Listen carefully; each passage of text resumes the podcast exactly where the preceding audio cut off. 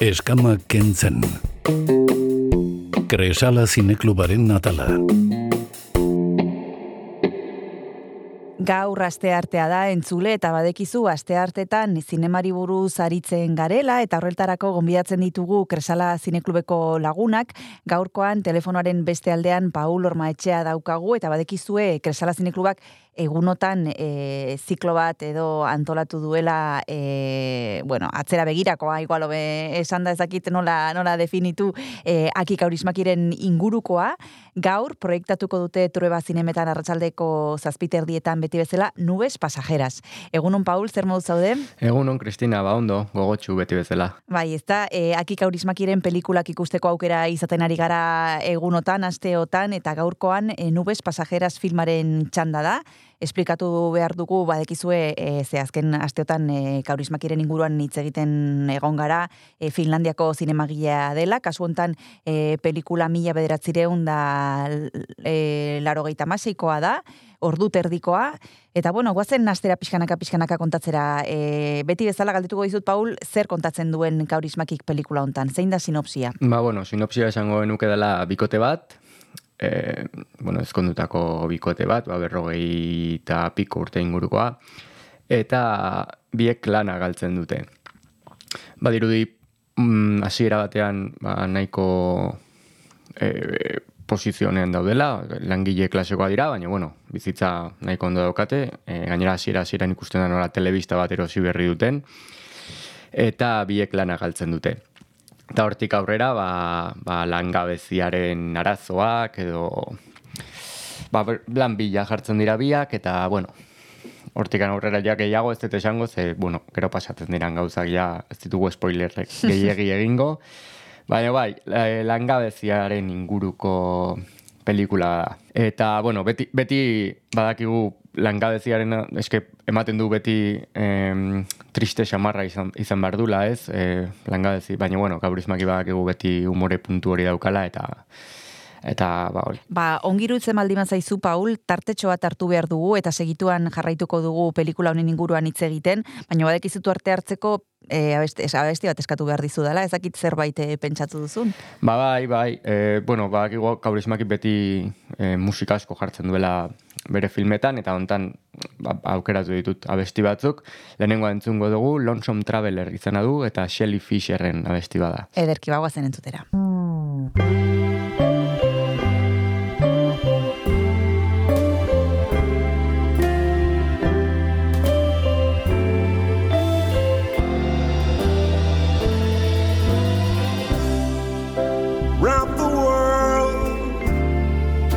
in Christmas paper,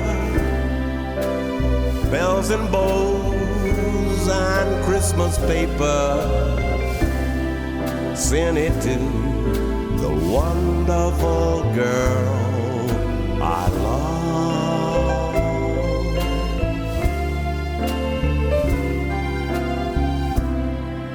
In my wild imagination, I can picture God's creation going to the wonderful girl I love.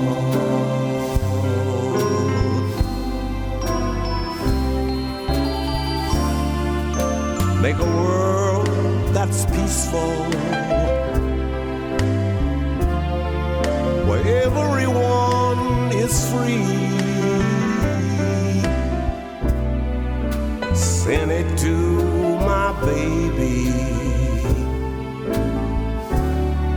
and tell her that it came from me.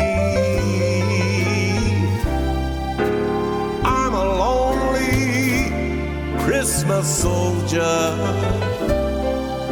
Heaven help this Christmas soldier decorating wonderful girl I love.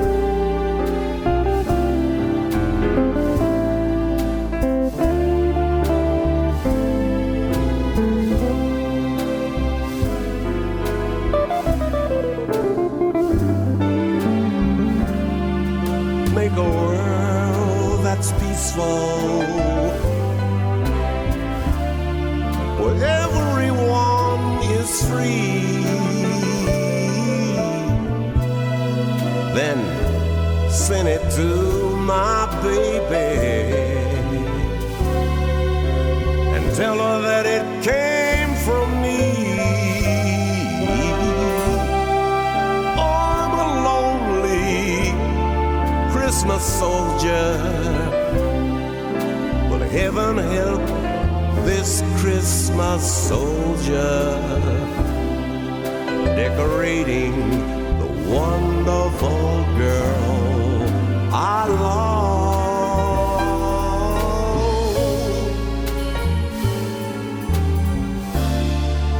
Decorating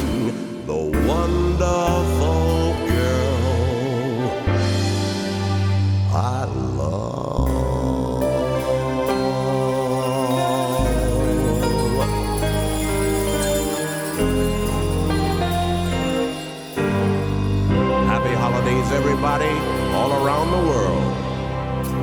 Zinemari buruz hitz egiten ari gara gaur hemen izpilu beltzan Donostia Kultura Irratian, gobidatu ditugu Kresala Zineklueko gure lagunak, telefonoaren beste aldean gaukagu gaur Paul Ormaetxea eta pelikulak izena du Nubes Pasajeras. Aki Kaurismakiren pelikula da, gaur arratsaldean trueba zinemetan ikusteko aukera izango dugu, arratsaldeko zazpiterdietan, eta hasieran esan duzun bezala, Paul, pelikulak e, kontatzen du pixka bat ze pasatzen den e, ba, langabezian e, zaudenean. E, bere garaian, aurkeztu zenean, e, mila bederatzireun da laro garren urtean, e, kaneko jaialdian e, Palma de Oro e, lortzeko, bueno, e, egon zen, e, zuen e, lortu, baina bueno, nominazioa bai lortu zuela, eta nik ezakit e, bere beste pelikulekin alderatuta, honek e, zerbait berririk daukan, edo bere estiloa jarraitzen duen, mantentzen duen. E, estiloa mantentzen du. E, nik esango nuke bai lejabrerekin gertatzen den bezala, e, igual dela bere filmografian murgiltzen hasteko pelikula oso aproposa. Ze estiloa mantentzen du, baina pelikula mm, ez dakit nola esan ez da hain, hain, hain, hasierako pelikulak bezain arraro puntu hori ez dauka gehiegi, ez? Denak dira, bere pelikula denak dira narratiboak, eh? baina, bueno, estiloa partikularra dauka, eta hau agian izan daiteke erresagoa. Bai daukala gauza bat niri gustatzen daiten asko, e, bueno, kaurismakik beti bere pelikuletan elkarrizketa ba, oso divertigarria dauzka, batzutan absurdo punto horrekin, eta honetan ere bai, e, baina kritika oso oso zorrotza jartzen du elkarrizketa absurdo hoietan, ez?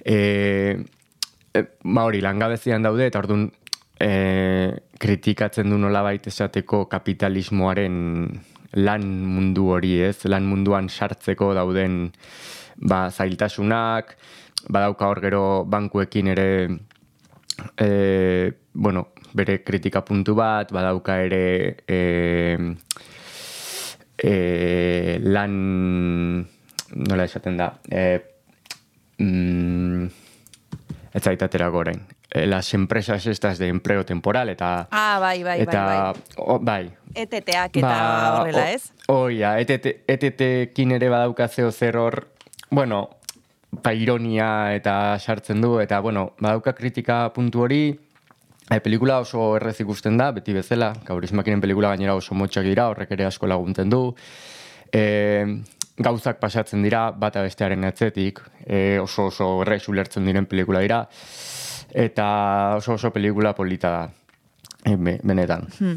Hemen e, kritika batzuk egon naiz irakurtzen Paul eta baten batek esaten du hasiera duela izugarria.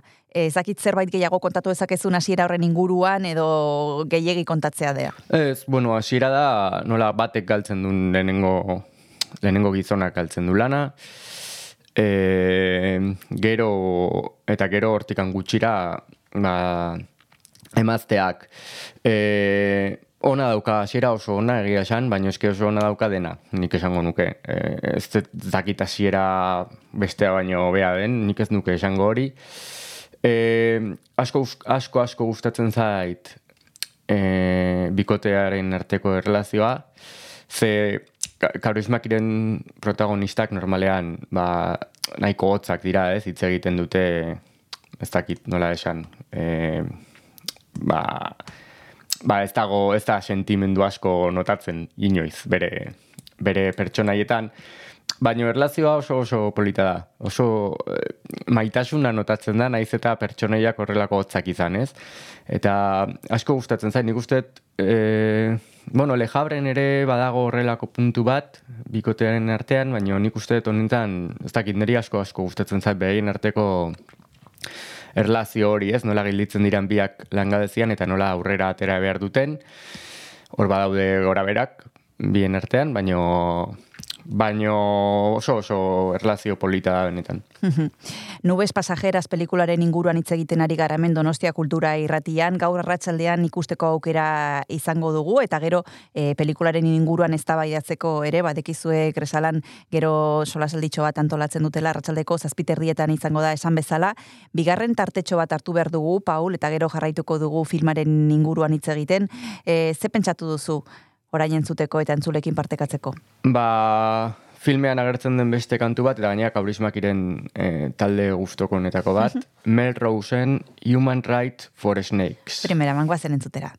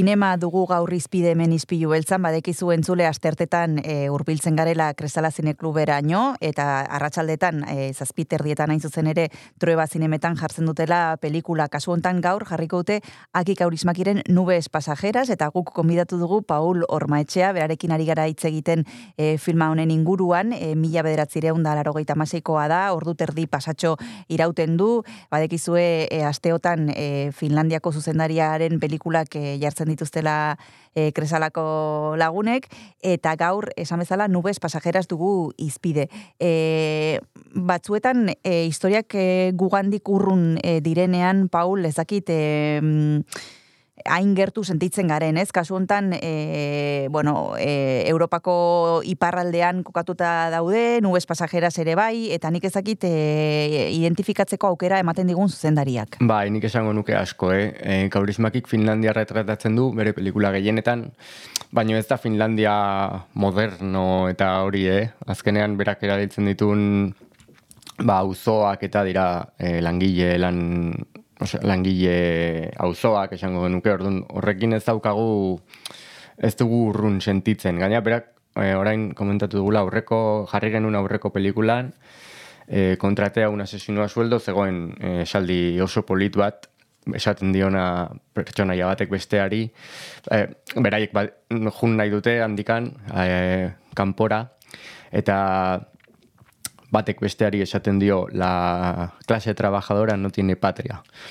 Orduan, e, kaurismakik beti langile mundua erretratatzen du eta bere ustez langile mundua e, toki guztietan berdina da, arazo berdina ditu, eta beraz e, oso oso gertu sentitzen den pelikula da, egia esan. Nubes pasajeras, e, kaurismakiren e, zure rankinan non egongo litzateke, Paul? Ba, bueno, nik guzti guztiak ez ditut ikusi, baino eske oso zaila da. E, oso maila, antze, maila antzekoa duten pelikula dira guztiak. Niri asko gustatzen zait nu ez pasajeras. E, asko gustatzen zait eta gainera uste dut e, publikoari gustatu lezaioken pelikula bat dala. E, beste batzuk baino gehiago agian. E, visualki ere Bueno, buxalkuit denak ere antzekoa dira, honek kolorea oso ondo erabiltzen du, beti bezala argazki zuzendaria da Timo Salminen, beti beti bezala, eta eta izugarria da batez ere gauak, ni beti esaten dute, dauzka argi, argi oso, oso, oso bereziak, oso politak. Eta ez dakit, rankinean, ez dakit, eske ez dakit, esan nik esango nuke denak sartzen dirala nire top bostean. Baina denak sartuko nituzke hor, osea, Eta, Bai, bai. et, eta zuzendaria, oroar, galdetuko banizu e, kaurismaki non dagoen zure rankinean, oroar non egongo litzateke, goiko partean edo pixkat berago. Bai, bai, oso goiko partean, oso goiko partean. Nik uste dut, kaurizmaki dala, em, agian ez da e, burura etortzen zaizun zuzendari handi hoietakoa, e, hasiera batean, eh, esan baino nire ustez da zinegile bat ez daukana pelikula txarrek. E, ez da bat. Osea, denak ditu ba, 6,5 zazpitik gora, denak. Eta hori, eta pelikula asko ditu, eh? Eta niri hori iruditzen zait, ba, izugarrizko meritua. Gainera, beti esaten dut, zinemagile horietako bat bere estilo propio-propioa daukana, eta bere filmaten amar segundu ikusita, naiz eta ez jakintzea izan ikusten badakizu berea dela. Eta hori niri iruditzen zait izugarrizko meritua dela, niri asko asko gustatzen zait egia esan. Mhm. E, aipatu ditugu lehen ere bai e, elkarrizketak aktoren artean eta bar, eta kritika batzutan irakurri dut e, zinema mutua ez da hil e, kaurismakiren arira, ez? Ezakit e, baduen zerbait e, zinema mututik ere bai bere, bere lanak. Bai, bai, hori aurrekotan hitz egin izan dugu e, oso ondo e, oso ondo kontatzen du, oso narrazioa da e, oso visuala, e, ez du behar ez ditu hitz asko behar, hontan gehiago hitz egiten da, adibidez, ba, la chica de la fábrica de cerillas-en oso oso e, gutxi hitz egiten zen bezala, ba, hontan gehiago hitz egiten da, baina egia da berak e, badakila narratzen e, ez e, hitzik gabe. Osea, dauka Bueno, bera oso oso zinezalea zen, ben gaztea zenean, orduan zine pila bat ikusi zuen, eta nik uste dut hortikan ere hartu ditula ba, referentzia asko, eta badaki narratzen e, hori, e, inolako ba, testuri gabe, e, ez dauka inoiz ofeko ahotsa adibidez, ez du behar ezerrez. E, gaina, esaten dizut bere pelikuletan e, gauza asko pasatzen dira, bata bestearen atzetik, eta dena ulertzen da oso oso argi, e, bai, bai, badauka zine mututik hori, ez? E, irudiekin kontatzeko trebetasun hori dauka. Bueno, ba, esan bezala gaur arratsaldean trueba zinemetan ikusteko aukera izango dugu, Nubes Pasajeras, kaurismakiren e, pelikula, e, laro minutu eskasi irauten du, badekizue asteotan e, kresalako lagunek e, kaurismaki ari direla aztertzen, eta gero solasaldia egongo da, Paul, zeinekin e, izango dugu aukera solasteko pelikula ikusi eta gero? Ba, guk egingo dugu kresalako kideek, pentsatzen den ni aterako naizela, agian Pedrorekin, edo ez dakit, baina gu- gure artean ingo dugu bai. Oh, ondo. Beti bezala esaten dugu pantalla handian olako pelikulak ikustea plazerra dela, baina baita ere azpimarratzen dugu gero egongo egoten den e, solasaldia ere e, plazerra dela eta luxu bat dela e, partekatzea zure iritziak eta ondokoaren iritziak ba, kresalako lagunekin eta bertan e, daudenekin. E, beraz, esan bezala gaur zazpiterrietan trueba zinemetan e, nubes pasajeras ikusteko aukera izango dugu, kaurizmekiren e, pelikula. E, agurtzeko, Paul, mm, beste abestire mat jarriko dugu? Venga, ba... Olaf Urarnals eta Nana Brindisen Particles. Ados, primera, magoazen entzutera eta agur esatera eta eskerrik asko. Urrengor arte, Paul. Eskerrik asko, Kristina, zuei beti bezala. Agur. Agur.